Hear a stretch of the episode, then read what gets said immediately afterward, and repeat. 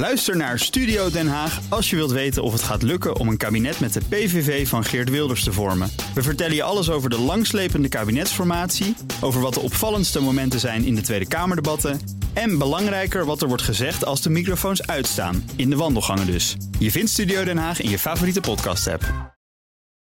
De BNR Techniek Tour wordt mede mogelijk gemaakt door Wijtechniek. Wijtechniek. Samenwerken aan jouw ontwikkeling. BNR Nieuwsradio. De Techniek Tour. Carlijn Meinders.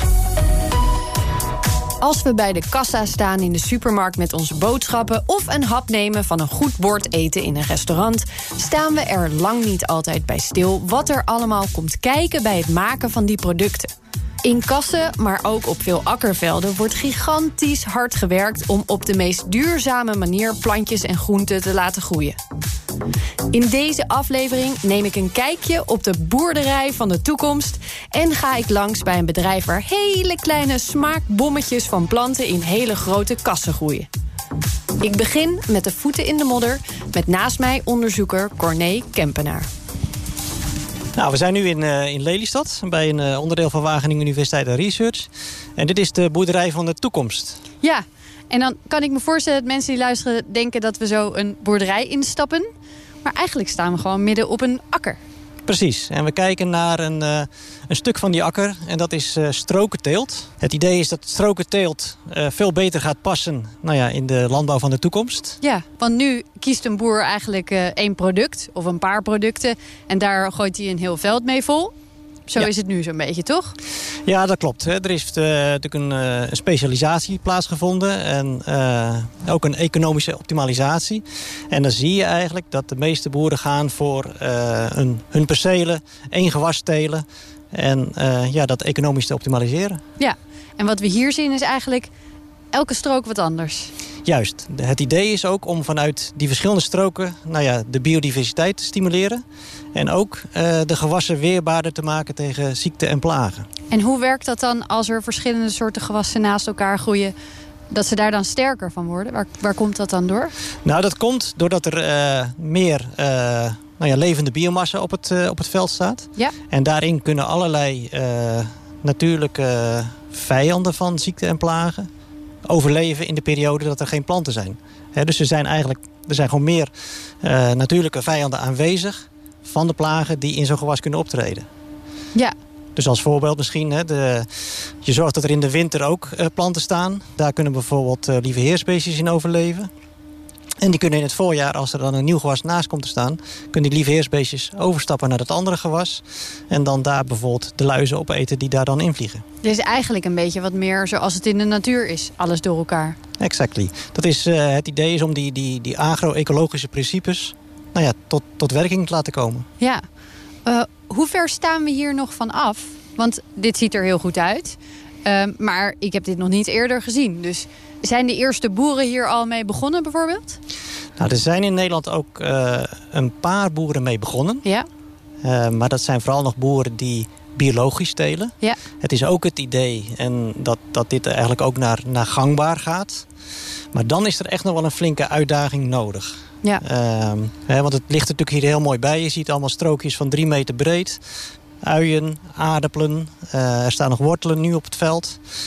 Maar je kunt je voorstellen dat, uh, dat je hier hele andere oogstmethoden ook voor nodig hebt. Omdat het zo smal is. Er heeft natuurlijk op die, uh, die gangbare bedrijven specialisatie plaatsgevonden naar grotere machines. Hier moet je met kleinere machines gaan werken. Ja, en, en machines die verschillende soorten gewassen aan kunnen. Want dat lijkt me ook nog een verschil. Precies. Ja. En, dat is dus, uh, en daar zit ook de uitdaging bij om dat, die machines dus veel kleiner te maken. Dan Ja. heb je een voordeel hè, dat de grond minder. Negatief beoordeeld wordt, hè, Ja. be- be- beïnvloed wordt. Uh, want die zware machines die drukken de grond samen. Hè, de, de structuur ver- verslechtert daardoor. En, hè, dus het is een uitdaging om hier met kleinere machines te gaan rijden. En ook met machines die eigenlijk autonoom kunnen gaan rijden. Dat zou helemaal mooi zijn. Precies, want dat is, uh, uiteindelijk is in de Nederlandse landbouw toch uh, personeel een dure, dure post, een grote post. Inderdaad, als je kunt besparen op, op arbeidskosten, is dat heel plezierig. Het is behoorlijk pionieren in dit project. Want na 10.000 jaar Nederlandse landbouw, dat zijn zo'n 400 generaties, moeten de circa 35.000 boeren die we nu nog hebben behoorlijk drastisch schakelen. Want verandering is noodzakelijk. De grens is bereikt. De grond raakt op. Daar is de sector het over eens. Als je nou als onderzoeker gaat kijken wat er in de toekomst wel gaat werken, waar kijk je dan naar? Het begint natuurlijk met een stuk planning. Hè, van, van wat zijn nou slimme combinaties van gewassen naast elkaar? En welke ga je naast elkaar zetten zodat je over het hele seizoen daar zoveel mogelijk profijt van hebt? Ja. Dus dat, dat is eigenlijk uh, nou ja, gewoon agronomische kennis, agro-ecologische kennis. Beetje wiskunde. Precies. Nou, daarna komt natuurlijk gewoon die, die, die techniekslag. Hè? En er zitten heel veel verzet aan. Het gaat over het kunnen monitoren van de groei van het gewas. Want je wil eigenlijk weten waar het goed groeit, waar het minder goed groeit... om nog eventueel in te grijpen. Nou, daar komen zaken bij als uh, vanuit satellieten of vanuit drones het gewas volgen. Ja. dus dat gebeurt tijdens het seizoen. En dan komt er een stukje nou ja, beslissing nemen bij. en dat, dat gebeurt tegenwoordig ook steeds meer via ja, software of via beslissingsondersteunende systemen. Is het klaar om geoogst te worden bijvoorbeeld? Precies. En welke dag, welke datum is dan? En is de kwaliteit op dat moment goed genoeg? Nou, en daarna komt die hele slag van die oogst waar we het net over hadden. Ja. die, dat, met kleine machines, kleine robotjes. 2030. Dan moet duidelijk zijn wat werkt en wat niet. Kringloop, landbouw, energie-neutraal produceren, klimaatbestendig zijn, meer biodiversiteit, minder pesticiden en automatisering. Het wordt hier allemaal getest. Dat vraagt, zoals we hoorden, ook om een nieuwe generatie machines en laten ook die nou hier worden gemaakt en getest. Dat wil ik zo natuurlijk even bekijken. Maar eerst een uitstapje naar de kust, waar Bart van Meurs mij meer kan vertellen over een heel ander soort voedselproductie. We zijn hier bij Koppert Kres in Monstein. In het Westland? Midden in het Westland, midden tussen de kassen. Ja, en wat gebeurt hier allemaal? Want ik zie hier naast mij al dozen staan met hele schattige kleine plantjes. Nou, eigenlijk die, die, die kleine blaadjes die je bij een restaurant op je bord krijgt... om het gerecht helemaal af te maken, dat zijn de producten die wij hier maken. Die wij hier telen. En waar we nu staan is eigenlijk het einde van het proces. Ja. Dus hier gaan eigenlijk de, de, de producten die gereed zijn... die gaan de deur uit en die gaan naar allerlei handelsbedrijven... hier uh, ja, ook in een nauwe omgeving... die het vervolgens verspreiden over, eigenlijk over heel Europa, over de hele wereld. Ja, dit gaat naar, naar sterrenrestaurants. Dit gaat naar tienduizenden restaurants toe. Wauw, ja. Want wat, wat zit hier allemaal in? Eigenlijk zijn dit de kiemen, de, de, de, de, de, de eerste opgroeiende plantjes van allerlei zaden die over de wereld te vinden zijn. Met een hele kenmerkende smaak en een hele kenmerkende uitstraling. En waar moeten we dan aan denken? Uh, we, hebben, wij hebben plantjes die naar komijn smaken. We hebben plantjes die naar knoflook smaken, naar radijs. Noem het zo gek niet op. En we stoppen het in een, uh, in een blaadje. Dus het is niet eens zo dat het uh, een bepaald soort plantje is. Je maakt eigenlijk alleen maar gewoon een soort smaak. Eh, ja, nou, we maken is misschien ook het verkeerde woordkeuze. We, we, halen het uit de natuur. Dus we doen hier niet aan genetica of, of, of, of chemie of noem het op. Wij, we proberen smaken die in de natuur te vinden te zijn... jaar rond beschikbaar te maken voor, voor de borden van de chef. Je hebt vast wel het een en ander geproefd. Zeker, zeker. Ik ga jou straks ook het een en ander laten proeven. Ik kan niet wachten. Uh, zijn er smaken die jij het lekkers vindt van alles wat hier tussen staat? Nou, ik moet zeggen, um, ik, ik, hoop dat ik je het product ook kan laten proeven. We hebben uh, vrij recent een, uh, een, product op de markt gebracht. Dat is een, uh, eigenlijk een zeedruif. Een dus zeedruif? Een, een, een, een, een, soort zeewier dat eigenlijk naar caviar smaakt. Echt? Gewoon vegetarisch Vegetarische caviar? caviar. Dat meen je niet, joh. En we hebben ook een vegetarische oester. Dus dat soort producten vind ik fantastisch. dat is het product. Maar het productieproces, dat is hier ook heel erg belangrijk. Want alles wat er zo'n beetje kan op duurzaamheidsgebied op het moment... dat zit hier wel in, volgens mij. Dat klopt helemaal. We proberen echt, echt wel een, een, een pionier te zijn als het gaat om duurzame tuinbouw. Dus we proberen eigenlijk hier zo fossielvrij mogelijk te telen. En nieuwe technieken die daarvoor beschikbaar zijn ook ja, snel en in een heel vroeg stadium al in die kas uh, te implementeren. Ja, we gaan denk ik even wat dingen bekijken. Zeker. We beginnen in de technische ruimte waar tussen de buizen en leidingen ook echt ruikt en klinkt als techniek. Dit is eigenlijk het, uh, het, het hart van de, de warmte- en koude techniek van ons uh, bedrijf. Het is hier vooral warm. Het is hier warm, dus eh, misschien moeten we nog iets beter isoleren. Maar, eh, we staan hier ook bij een uh, grote plaquette... waarin schematisch beschreven staat wat we, wat we doen. Dat helpt mij een beetje natuurlijk, Precies. om te zien wat hier allemaal gebeurt. Praat me er even doorheen. Het belangrijkste is dat de zon eigenlijk genoeg energie geeft... om een kas jaar rond op temperatuur te houden... Alleen hij schijnt niet altijd op het goede moment. Hier niet in Nederland? Uh, in Nederland niet en nou, in heel veel landen niet. Dus wat wij doen is eigenlijk op het moment dat de zon schijnt... slaan we die energie op in de grond in de vorm van warm water. Dat gebeurt op een, uh, op een diepte van zo'n 150 meter. Dat is jullie eigen bron? Dat zijn onze eigen bronnen eigenlijk. Ja, ja dat klopt helemaal. En in de winter halen we die warmte weer uit de grond en dan verwarmen we onze kas mee. En op die manier hebben wij in, uh, in de afgelopen tien jaar hebben wij het, het areaal van dit bedrijf hebben we verviervoudigd. En het gasverbruik is omlaag gegaan in die periode. Dus eigenlijk alle groei is gekomen op een duurzame wijze. Ja, dat, dat klinkt hartstikke netjes. daar zijn we apen trots op, maar we gebruiken nog steeds een klein beetje gas. Ja. En daar willen we van af. Dus we zijn nu ook aan het kijken naar geothermie. Dus echt warmte uit grote diepte. Dus we gaan eh, met een eh, groep van zo'n 30 bedrijven boren naar 2,5 kilometer diep. En dan gaan we water van een uh, graad of 90 uit de grond halen. Wauw. En daarmee kunnen we ook afscheid nemen van het laatste beetje gas dat we gebruiken. En dan zijn we helemaal fossielvrij. En dat doe je dus met andere bedrijven uit de omgeving? Het, het, het, gedeelte dat je hier ter plekke ziet, wat we tot nu toe gedaan hebben, doen we alleen. Maar een aardwarmteproject, dat, is, dat zijn gigantische projecten. En daar heb je ook gewoon veel kasoppervlakte voor nodig om dat rendabel te maken. Ja. Dus dat doen we met, uh, met, met inderdaad ongeveer 30 bedrijven hier in een cirkel van enkele kilometers omtrek. Is het ook zo dat als je daar iets van overhoudt... dat je daarmee dan bijvoorbeeld de huizen in de buurt ook een beetje kan verwarmen? Nou, een van de overwegingen uh, is nu om een, uh, een woonwijk... Uh, die grens aan ons aardwarmteproject ook mee te gaan verwarmen. Van de technische ruimte gaan we naar de koelcel... waar het ineens nog maar 3 graden is. Grote rekken vol met een soort gigantische dienbladen vol plantjes... torenen hoog boven ons uit. Hier kunnen wel meer dan duizend tiltafels. En elke tiltafel is weer een paar vierkante meter. Die worden hier opgeslagen, gesorteerd, eh, teruggekoeld naar transporttemperatuur. En het leuke is, uh, hij werkt helemaal autonoom. Dus er komt hier niemand. Dus ook, doe je ook niet voor je plezier met deze temperatuur.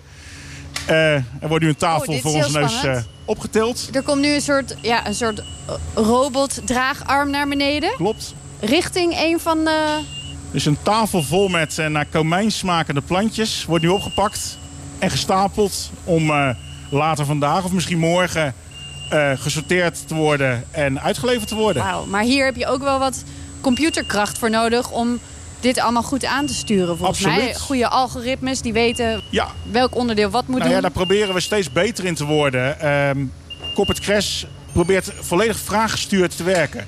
We weten natuurlijk de trends in de markt, maar feitelijk is alles is daghandel.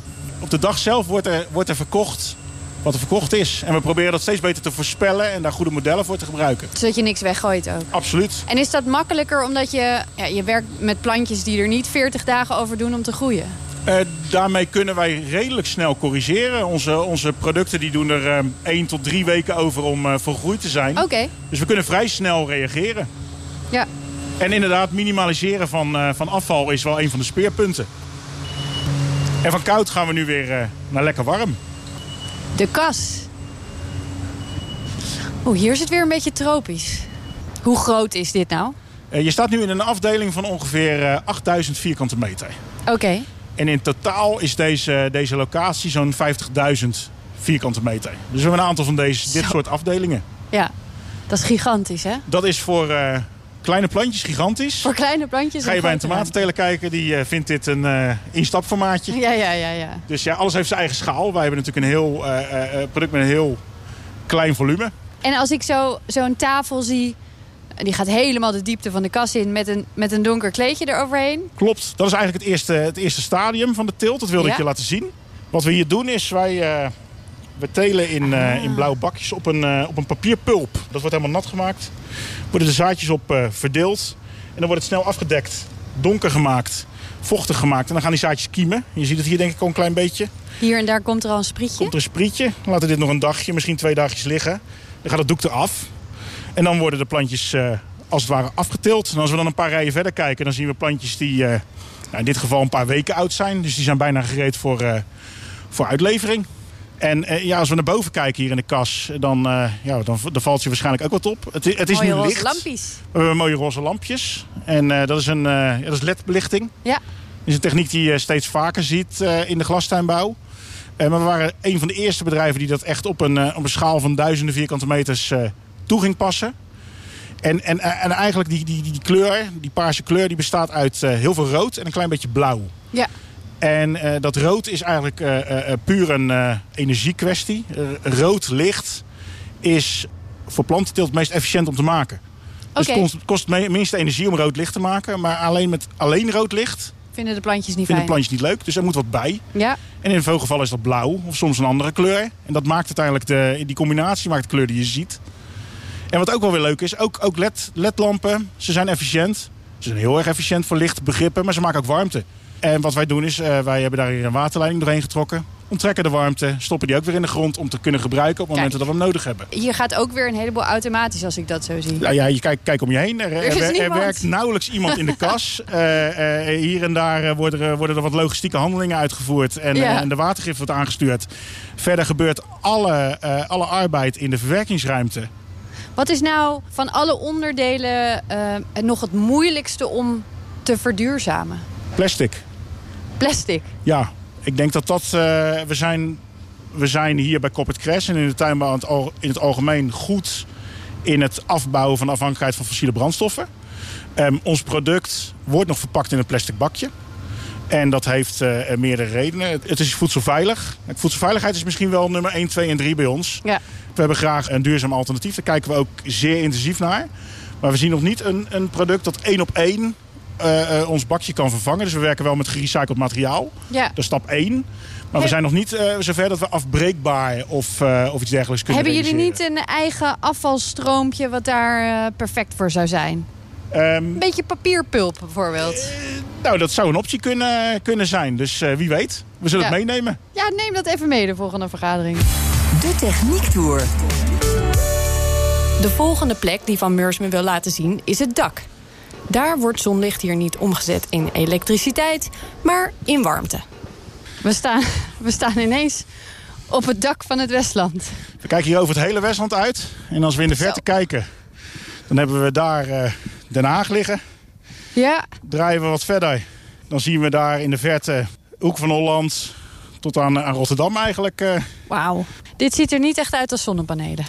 Eh, nee, wij, eh, wij hadden het, eh, het idee extra warmte te oogsten.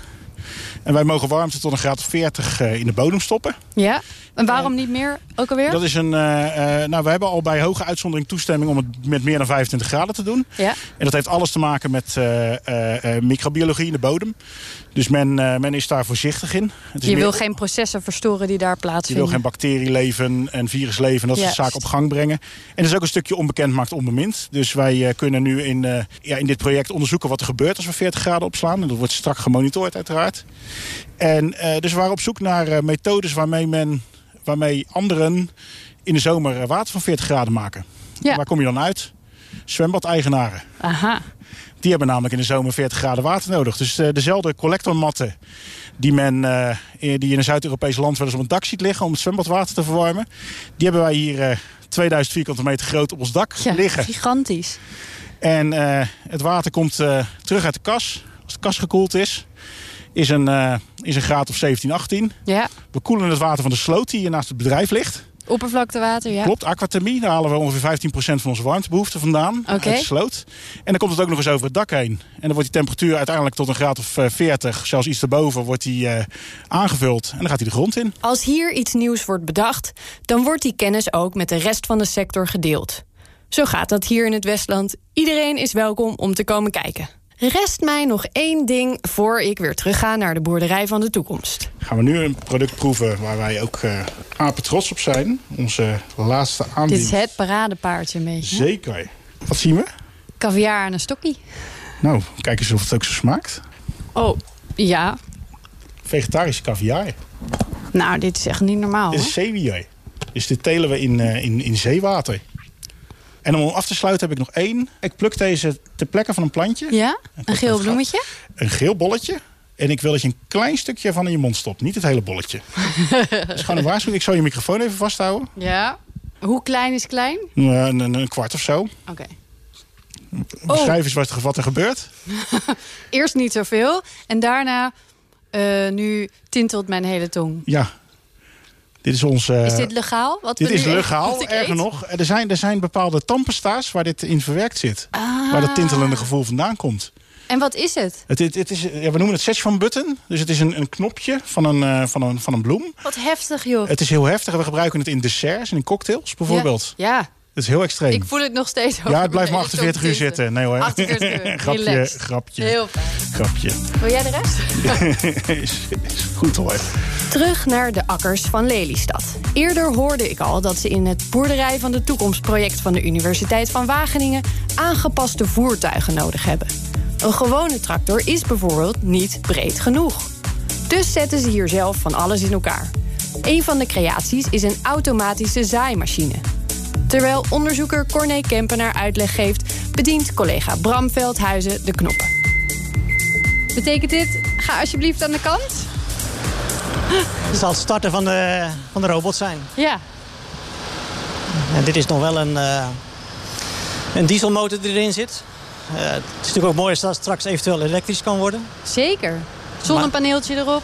Precies. Dus daar, eh, ik denk dat we daar ook binnen tien jaar ook, ook zijn.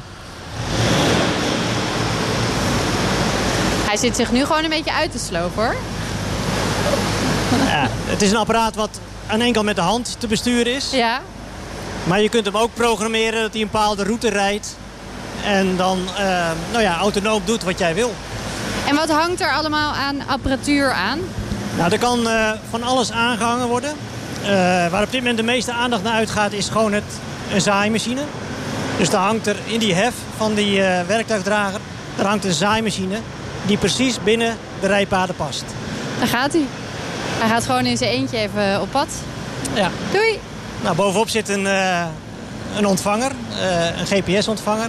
En die, eh, dan weet die robot precies waar die is. Nou is deze machine op maat gemaakt, maar neem je een gemiddelde tractor... dan is die nu te smal voor de stroken van 3 meter.